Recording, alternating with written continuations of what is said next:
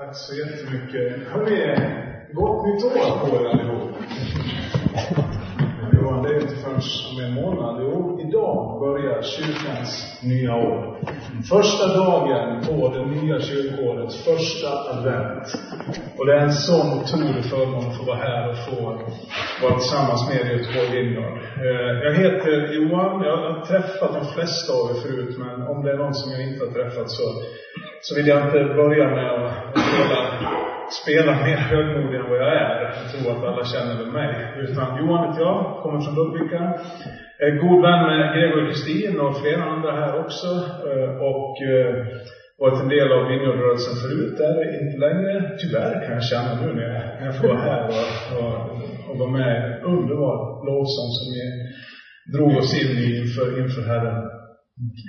Eh, jag tänkte att eh, vi ska börja med att läsa den evangelietext som är föreslagen för just den här söndagen. Och den hämtar vi från Lukas eh, 4, verserna 16 till 23. Så har du din bibel med dig, eller om du har den i telefonen, så slå gärna upp och följ med i, i den texten. Så kom han till Nasaret, där han hade vuxit upp. På sabbaten gick han som han brukade till synagogan. och Han reste sig för att läsa ur skriften. Man räckte honom profeten Jesajas bokrulle. När han öppnade rullen så fann han stället där det stod skrivet Herrens ande är över mig. Han har smort mig till att förkunna glädjens budskap för de fattiga.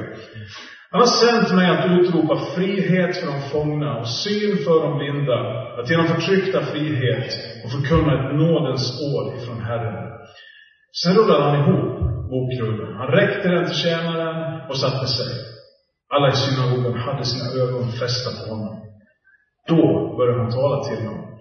Idag har det stället i skriften gått i uppfyllelse inför er som lyssnar. Alla berömde honom och eh, förundrades över de nådens ord som kom ut från hans mun. De frågade, är det inte Josefs son? Då sa han till dem, säkert kommer ni att citera ordspråket för mig. Läkare, bota dig själv. Vi har hört om allt som hände i Kapernaum. Gör det här i din hemstad också. Så lyder Herrens ord. Välsignad vare han som kom i Herrens namn. Sjöng vi här alldeles nyss. Eh, advent, det betyder just det. Han kom. Han kom. Han som, en, han som Guds utvalda folk, judarna, hade väntat på i över, över, långt över tusen år. Nu plötsligt så stod han inför dem i den här texten. Man hade väntat i generation efter generation efter generation. Och nu plötsligt var han där. Och det är intressant det här egentligen. Var, varför väntar man egentligen? Så väntan, det känns ju många gånger ganska oproduktivt och det, det är inte liksom den aktiviteten man uppskattar mest som man plockar fram för barnen när det är dags för semester. Vad ska vi göra nu på semestern? Vi ska vänta. Eh, mm, nej, det, det är inte riktigt det som, som är eh, det roligaste man kan göra. Men ändå så är det ju så att vi spenderar en stor del av våra liv i just väntan. Eh, och jag, jag tycker att, eh, att det är intressant. Väntan är inte alls så, så negativt som vi ibland kan tänka, utan faktum är att det är, och det är det som är min lilla tes, här, att väntan är faktiskt ett uttryck för tro. Eh, för tro på ett löfte som man har tagit emot. För varför så, eh, så står vi kvar i farstun med ytterkläderna på, svetten rinner lite grann efter ryggen. Och det är för att vi tror på att barnen faktiskt talar sant när de säger jag kommer snart. Varför står vi kvar på busshållplatsen eh, hos oss i, i Ludvika? Då, ni, ni har ju inte sånt här vitt på marken. Liksom man står på busshållplatsen, snön yr eh, och eh, det är mörkt och det är kallt och man bara står där. Eh, Varför gör man det? Det är man sätter tro till att börstidtabellen stämmer och att den talar sant när den säger att bussen kommer snart. Varför har Gregor och Kristin gjort fint hemma den här helgen och bunkrat upp kylskåpet fullt med mat och, eh, och, och, gjort, och gjort det jättetrevligt? Jo, för de tror på att gästerna faktiskt talar sant när de har gett löftet att vi kommer klockan 19. nu blev det inte riktigt så eh, på grund av vår Garmin GPS. Men, men ändå. De väntade för att någonstans var ändå löftet trovärdigt. Va? Eh, eh, så väntan, det är förknippat med tro. Det är faktiskt ett uttryck för tro. Men man kan ju bara vänta om man faktiskt har ett löfte att vänta på. Den som väntar är troende. Troende på ett löfte. Och inte kunna vänta, det är därför inte först och främst ett, ut, ett uttryck för bristande tålamod, utan faktiskt för bristande tro. Eh, och eh, en osäkerhet inför löftet, en osäkerhet inför att den som har gett löftet talar sant. Eh, och eh, Guds folk i Gamla Testamentet, som vi kommer, vi kommer prata en hel del om dem, de var ett folk som hela tiden väntade. Det är därför vi har ett gammalt testamente överhuvudtaget. Va? Därför att där hela tiden så pekar det fram emot det som skulle komma, som var uppfyllelsen av löftena. Välsignad var det han som kom i Herrens namn. De trodde och de höll ut i generation efter generation efter generation. Och tänk dig in i situationen att vänta ett helt liv utan att få se det som man väntat på. Och som man faktiskt formar hela sitt liv kring. Men vi orkar knappt vänta i fem minuter. Vad var det som de väntade på egentligen? Och redan i, i lustgården, när Gud har skapat människan, så, så säger han att, att jag ska låta kvinnans säd söndertrampa ormens huvud. Alltså en, en eh, Gud säger att det kommer en dag när det kommer en som kommer att krossa eh, all ondskans makt. Djävulen, all sjukdom, all död ska krossas genom denna avkomling som, som, som man väntade på. Och det här löftet, det återkommer sen i, i Gamla Testamentet, när Gud konstituerar sitt folk och kallar Abraham eh, och, och, hans fru Sara, så kommer det här löftet igen. Att genom din säd, genom din avkomma ska hela jorden bli välsignad. Och sen kommer profeterna i Gamla Testamentet gång på gång på gång och de repeterar de här löftena och får folket att, att se de här löftena igen. Och vi kommer fram till Jesaja, drygt 700 år före Kristus. Eh, 740 år för att, vara lite mer exakt, så hittar vi många av de här fantastiskt vackra och kärnfulla profetiorna om Jesus, om den här Messias, frälsaren som skulle komma och segra över allt ont, över all djävulskap som du kan tänka dig. Och, och Jesaja säger att, att det folket som vandrar i mörkret ska se ett stort ljus. Därför att ett barn blir oss fött, en son blir oss given. På hans axlar ska herradömet vila, hans namn ska vara under, rådgivare, väldig Gud, evig fader, en fridsförste, fantastiska ord. En ruggigt bra predikan. Men den, den, den fullbordades inte veckan efter. Utan det tog 740 år innan den fullbordades. Eh, det är Guds folk, hela tiden när vi läser om Guds folk i skriften, så är det ett folk som lever i tro och därför också ett folk som lever i väntan. Eh, advent, det handlar om tro. Det handlar om väntan. Om väntan på ett löfte ifrån den mest trovärdiga av alla eh, som kan ge löften.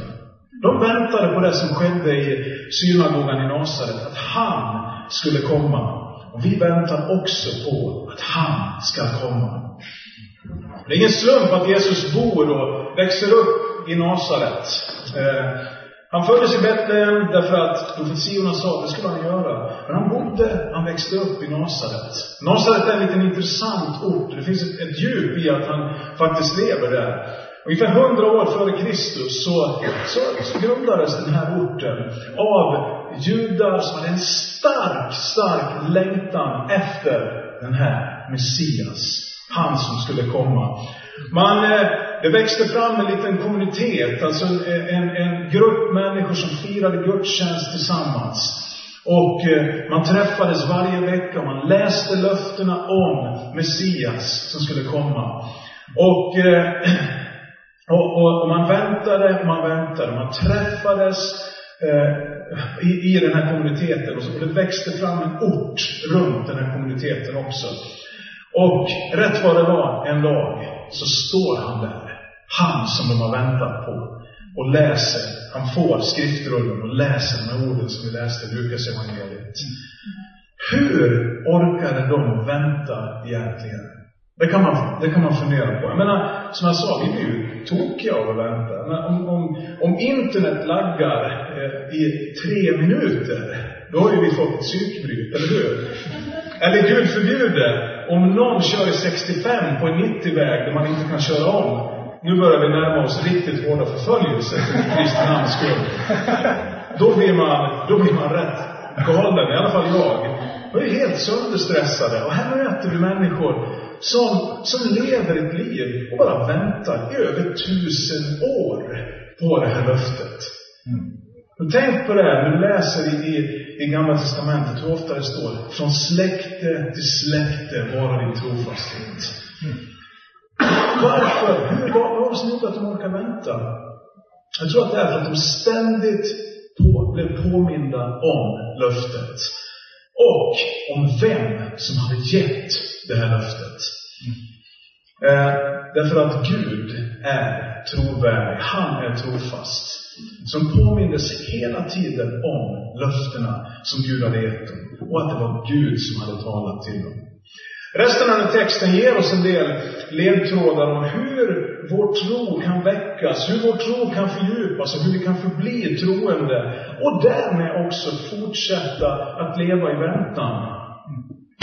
vad, vad, vad stod det för någonting? På sabbaten gick han till synagogan som han brukade. Och han reste sig upp för att läsa och man gav honom profeten Jesajas bok. När han öppnade den så fann han det ställe där det står skrivet och så vidare. Som vi sa tidigare så är väntan ett uttryck för tro. Det är alltså tron som producerar och formar förmågan att också kunna vänta. Eh, och för, eh, och för, för att underhålla tron så hade judarna som vana att varje sabbat samlas i synagogan för att höra, vadå? Skrifterna med löftena som var givna till dem. Mm. Och varför, varför gjorde man det? Jo, att på så sätt fick man tro. Och orkade också vänta. När vi läser i Gamla Testamentet så ser vi att Guds folk, de, de levde ofta under förtryck och i exil. De var främlingar i, i främmande länder, ofta fiend, fiendens länder. Och omständigheterna som de hade runt omkring sig talar ju inte riktigt för att, ja, Gud är med oss. Vi är Guds utvalda folk. Titta bara hur det ser ut runt omkring oss. Ja, precis. Nej, omständigheterna var ofta som en som en smäll i ansiktet på, på dem när de tittar på, på, runt omkring sig. Men eh, det, var, det, var, det var ändå så att man hade de här löftena, man hade de här orden som sa vilka de var. Därför så, så utvecklade man en vana att varje vecka samlas i synagogan för att påminna sig om och höra löftena. Och faktiskt något av det första man upprättade när man var i exil, det var en synagoga, ett litet rum Kanske som det här, eller det här är ett ganska stort rum, men man upprättade ett rum som var avskilt för att varje sabbat kunna träffas, eh, för, för att höra löftena. Varför då? Jo, för man orkar inte vänta utan tro. Mm. Eh, och tro, det kan man inte göra av sig själv. Nu ska, nu ska jag tro. Utan tro, den gåva från Gud som skänks genom att vi också hör hans löften. Att vi hör vad han har sagt till oss, vad han har lovat till oss. Eh, att påminnas om vem han är och vad han har sagt. Kanske känner du likadant ibland, kanske känner er församling likadant ibland, att om Gud verkligen finns, om han är god, om det nu, om nu här, nu kommer vi in i julen och det är ljusets högtid och Hosianna, Davidsson och allt, allt vad, vad vi säger. Eh, men varför ser det ut som det gör i mitt liv just nu? Var är han någonstans? Var är Gud? Och varför ser det ut så här i mitt liv? Varför ser det ut så här i vår församlingsliv? Kanske, kanske känner du så, kanske känner ni så ibland. Då är det extra viktigt att faktiskt komma tillsammans och låta tron komma som skänk från Gud. Och låta, låta Guds ord, Guds löften faktiskt bygga upp oss när vi hör hans goda och fantastiskt vackra löften till oss. Gudstjänsten eh, är faktiskt instiftad och påbjuden av Gud själv.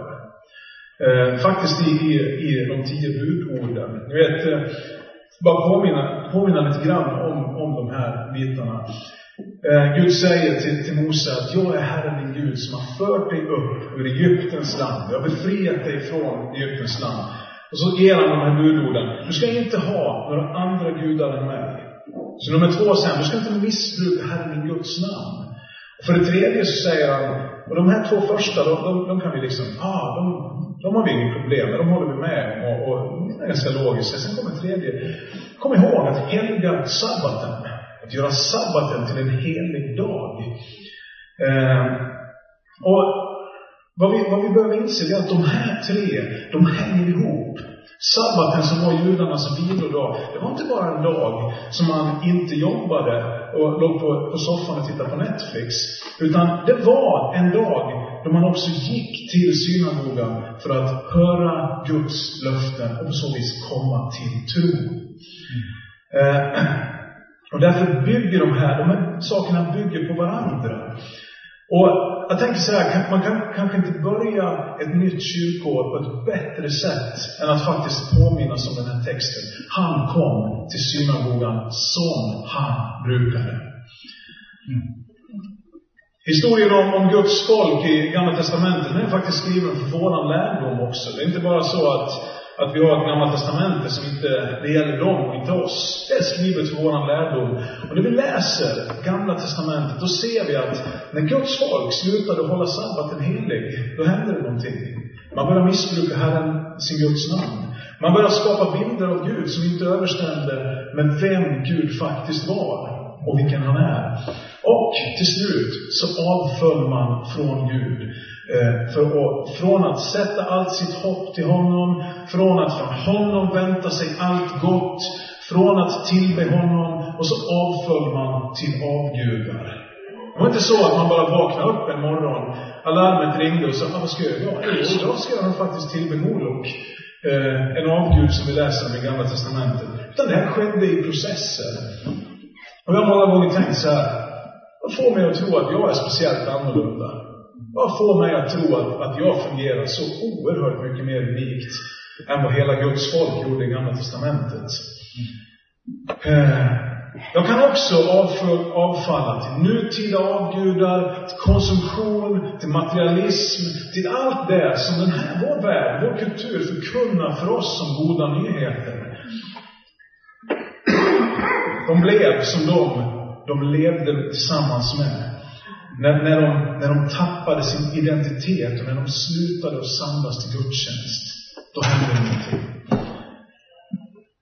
Därför tror jag att vi gör gott i att, liksom Jesus, komma till synagogan, eller kyrkan som i vårt fall, som han brukade. Jag tror vi gör gott i att utveckla en god och en helig vana i att faktiskt Eh, komma till församlingen för att höra Herrens ord, för att höra hans löften. Varför då? Annars orkar vi aldrig vänta. Därför att väntan bygger på tro. Så, och för att orka, orka vänta så behöver vi alltså tro. Och för att fördjupas i vår tro så behöver vi vadå? Vi behöver varandra. Vi behöver gudstjänsten. Vi behöver hemgruppen. Jag brukar alltid säga det när jag, när jag försöker, eller jag alltid säga, eh, men, men jag, jag försöker ofta säga i alla fall, det var mer nyanserat, när jag har en chans att säga det hemma i våran kyrka.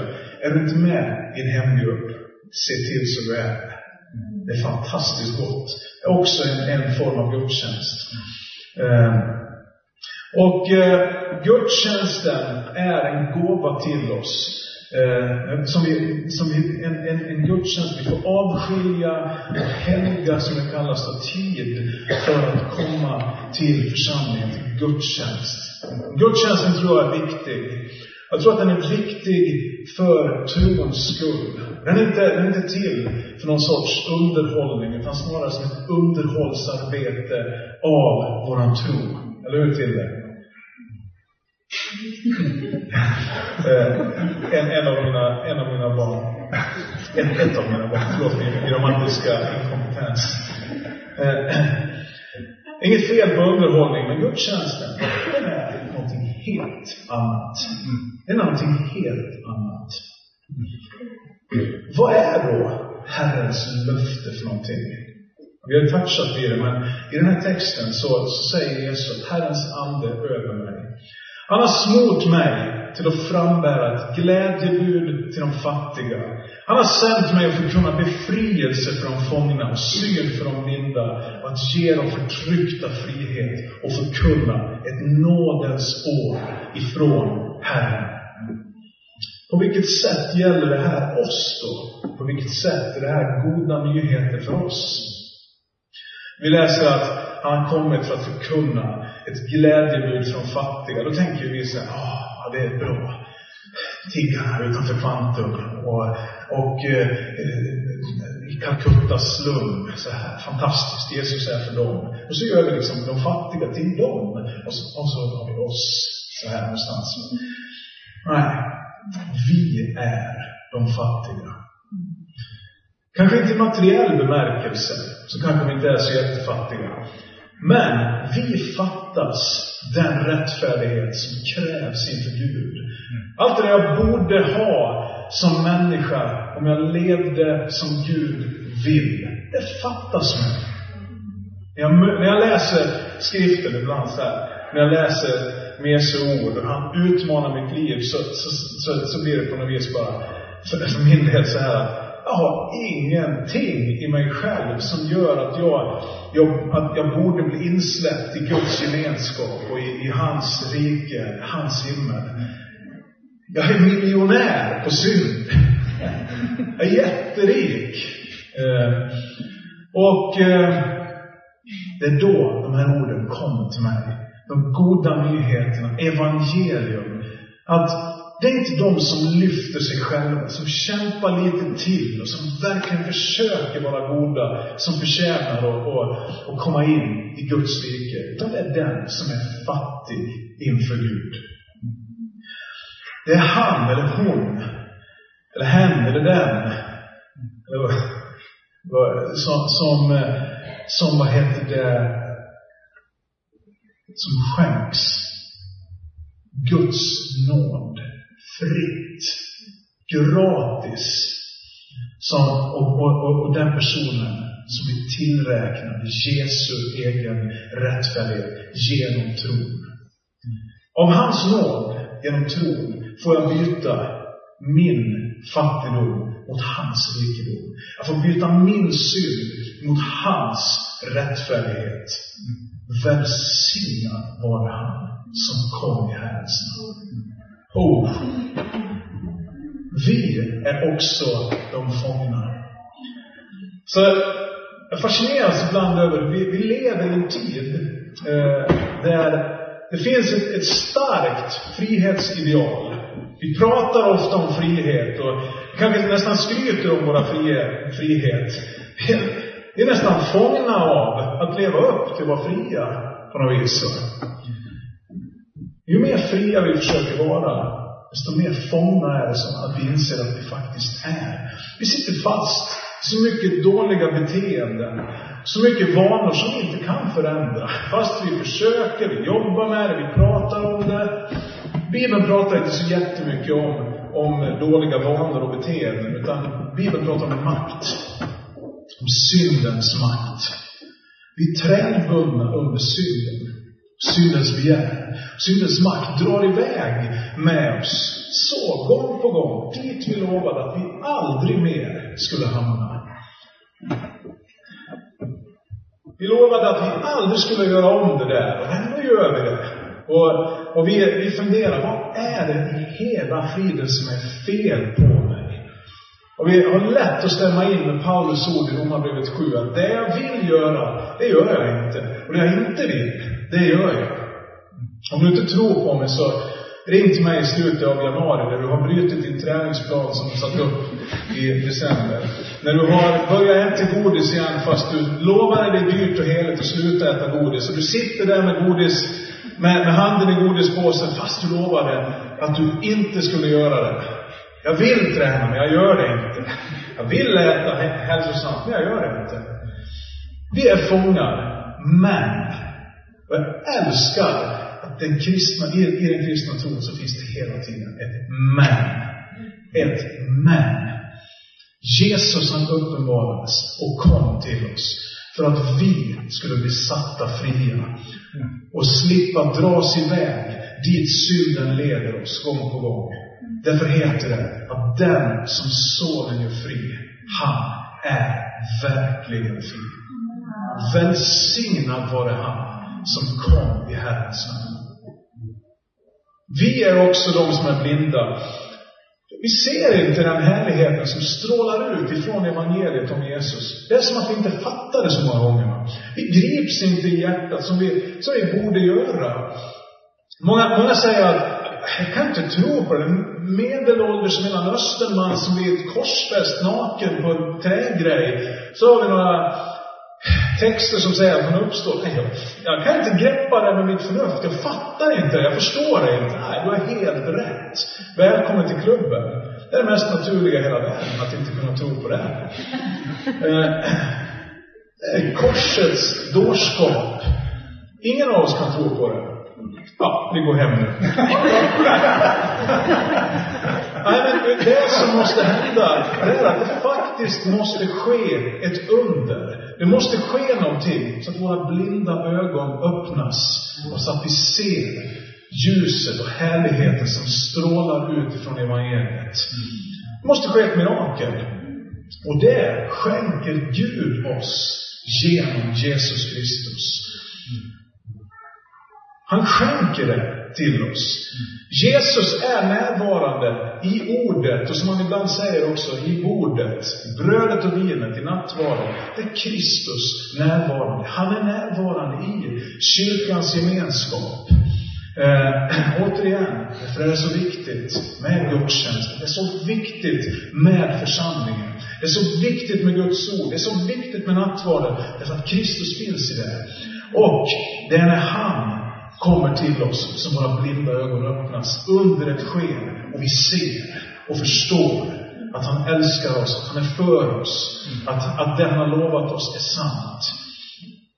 Vi, vi håller inte på med, med en föreläsning som, som i första hand vänder sig till, till vårt förstånd.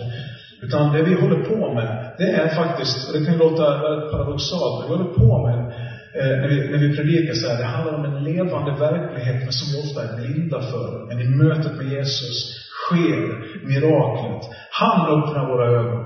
Och då kan vi se, då kan vi tro. Det är som att vi ibland, vi kan ha varit i, i, i församlingen, gudstjänst tusen gånger, plötsligt vad händer det? Plötsligt ser vi, plötsligt grips vi av evangeliet. Därför är tron på Jesus, det är inte en intellektuell ekvation som vi liksom måste få ihop och forma en sorts förståndsmässig mässig bekännelse. Vi ska inte, kanske, vi ska, eller kanske, vi ska inte skrota vårt förnuft. En gåva från Gud, den med. Men det krävs ett mirakel för att våra blinda ögon ska öppnas. Men det sker när vi samlas inför hans ord. I tillbedjan och lovsång. I nattvarden, för att han är där. Jesus avslutar med att idag har det här skriftstället gått i uppfyllelse inför er som hör mig. Det sker här idag också. Idag. Det finns alltid ett idag. Vi håller inte på med bara en historisk betraktelse, utan det är verklighet här idag. Jag håller inte på med en föreställning, utan det här som vi håller på med är en förmedling. Guds ord och, och brödet och vinet, det är vad man ibland brukar kalla för nådemedel. Det förmedlar en verklighet som vi faktiskt talar om, rakt in i våra liv när vi tar del av det. Det betyder att, precis som Hebreerbrevets eh, författare skriver, att Guds ord är levande och det är verksamt. Idag och det här skriftstället uppfyllts. Paulus säger i Romarbrevet att, att tro kommer av hörande. Det står det i den engelska översättningen i alla fall. Eh, tro kommer av predikan, står det i, i, vår, i, i vår bibel. Tron kommer av hörande, hörande i kraft av Kristi ord. Likt synagogan i Nasaret så kommer Jesus till sin kyrka idag. Han som vi väntar på och han som ska komma åter i härlighet en gång. Upprätta sitt rike i all sin fullhet. Han kommer till oss här och nu, redan idag. I ordet och i bordet, Nattvarden. Glädjebudet som han talar om, jag förkunnas för dig här och nu.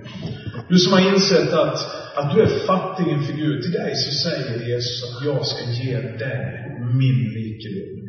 Till dig som har insett att, att du, du har inte mycket helighet och, och, och fina grejer att komma med inför Gud. Till dig säger han, jag ska ge dig min rättfärdighet. Så ska jag ta din synd. Du som är fången och känner att du är bunden sitter fast i grejer du inte kan slita dig loss ifrån. Beteenden och synder som gång på gång drar iväg med dig och som gör både dig och din omgivning olycklig. Befrielse från syndens fångenskap, det kan ske här och nu. Idag har det här skriftstället gått i uppfyllelse inför er som hör. Du som inte kan se att Gud älskar dig. Du som inte kan förstå det här med, med Jesus, dina blinda ögon kan öppnas här och nu. I kraft av Anden. Så kan tron, hoppet och kärleken få börja växa i ditt hjärta. Jesus avslutar den här texten med, med att binda ihop allting eh, i, i det här. Att säga, att förkunna ett nådens år ifrån Herren. Det betyder inte att det året som kommer, att det kommer bli bättre än alla andra, eller att det kommer vara befriat ifrån alla motgångar. Men det betyder att vad som än väntar dig och mig under det här kommande året, så finns det nåd ifrån Gud till oss. Det är nådens år. Det betyder att, att det ligger ett år framför oss. Ett år av återupprättelse. Där Gud återställer saker och ting så som det var tänkt att vara. Välsignad var det han som kom i Herrens namn. Ära vare Faderns, Sonen och den helige Ande, nu och alltid, i evigheters evighet. Amen.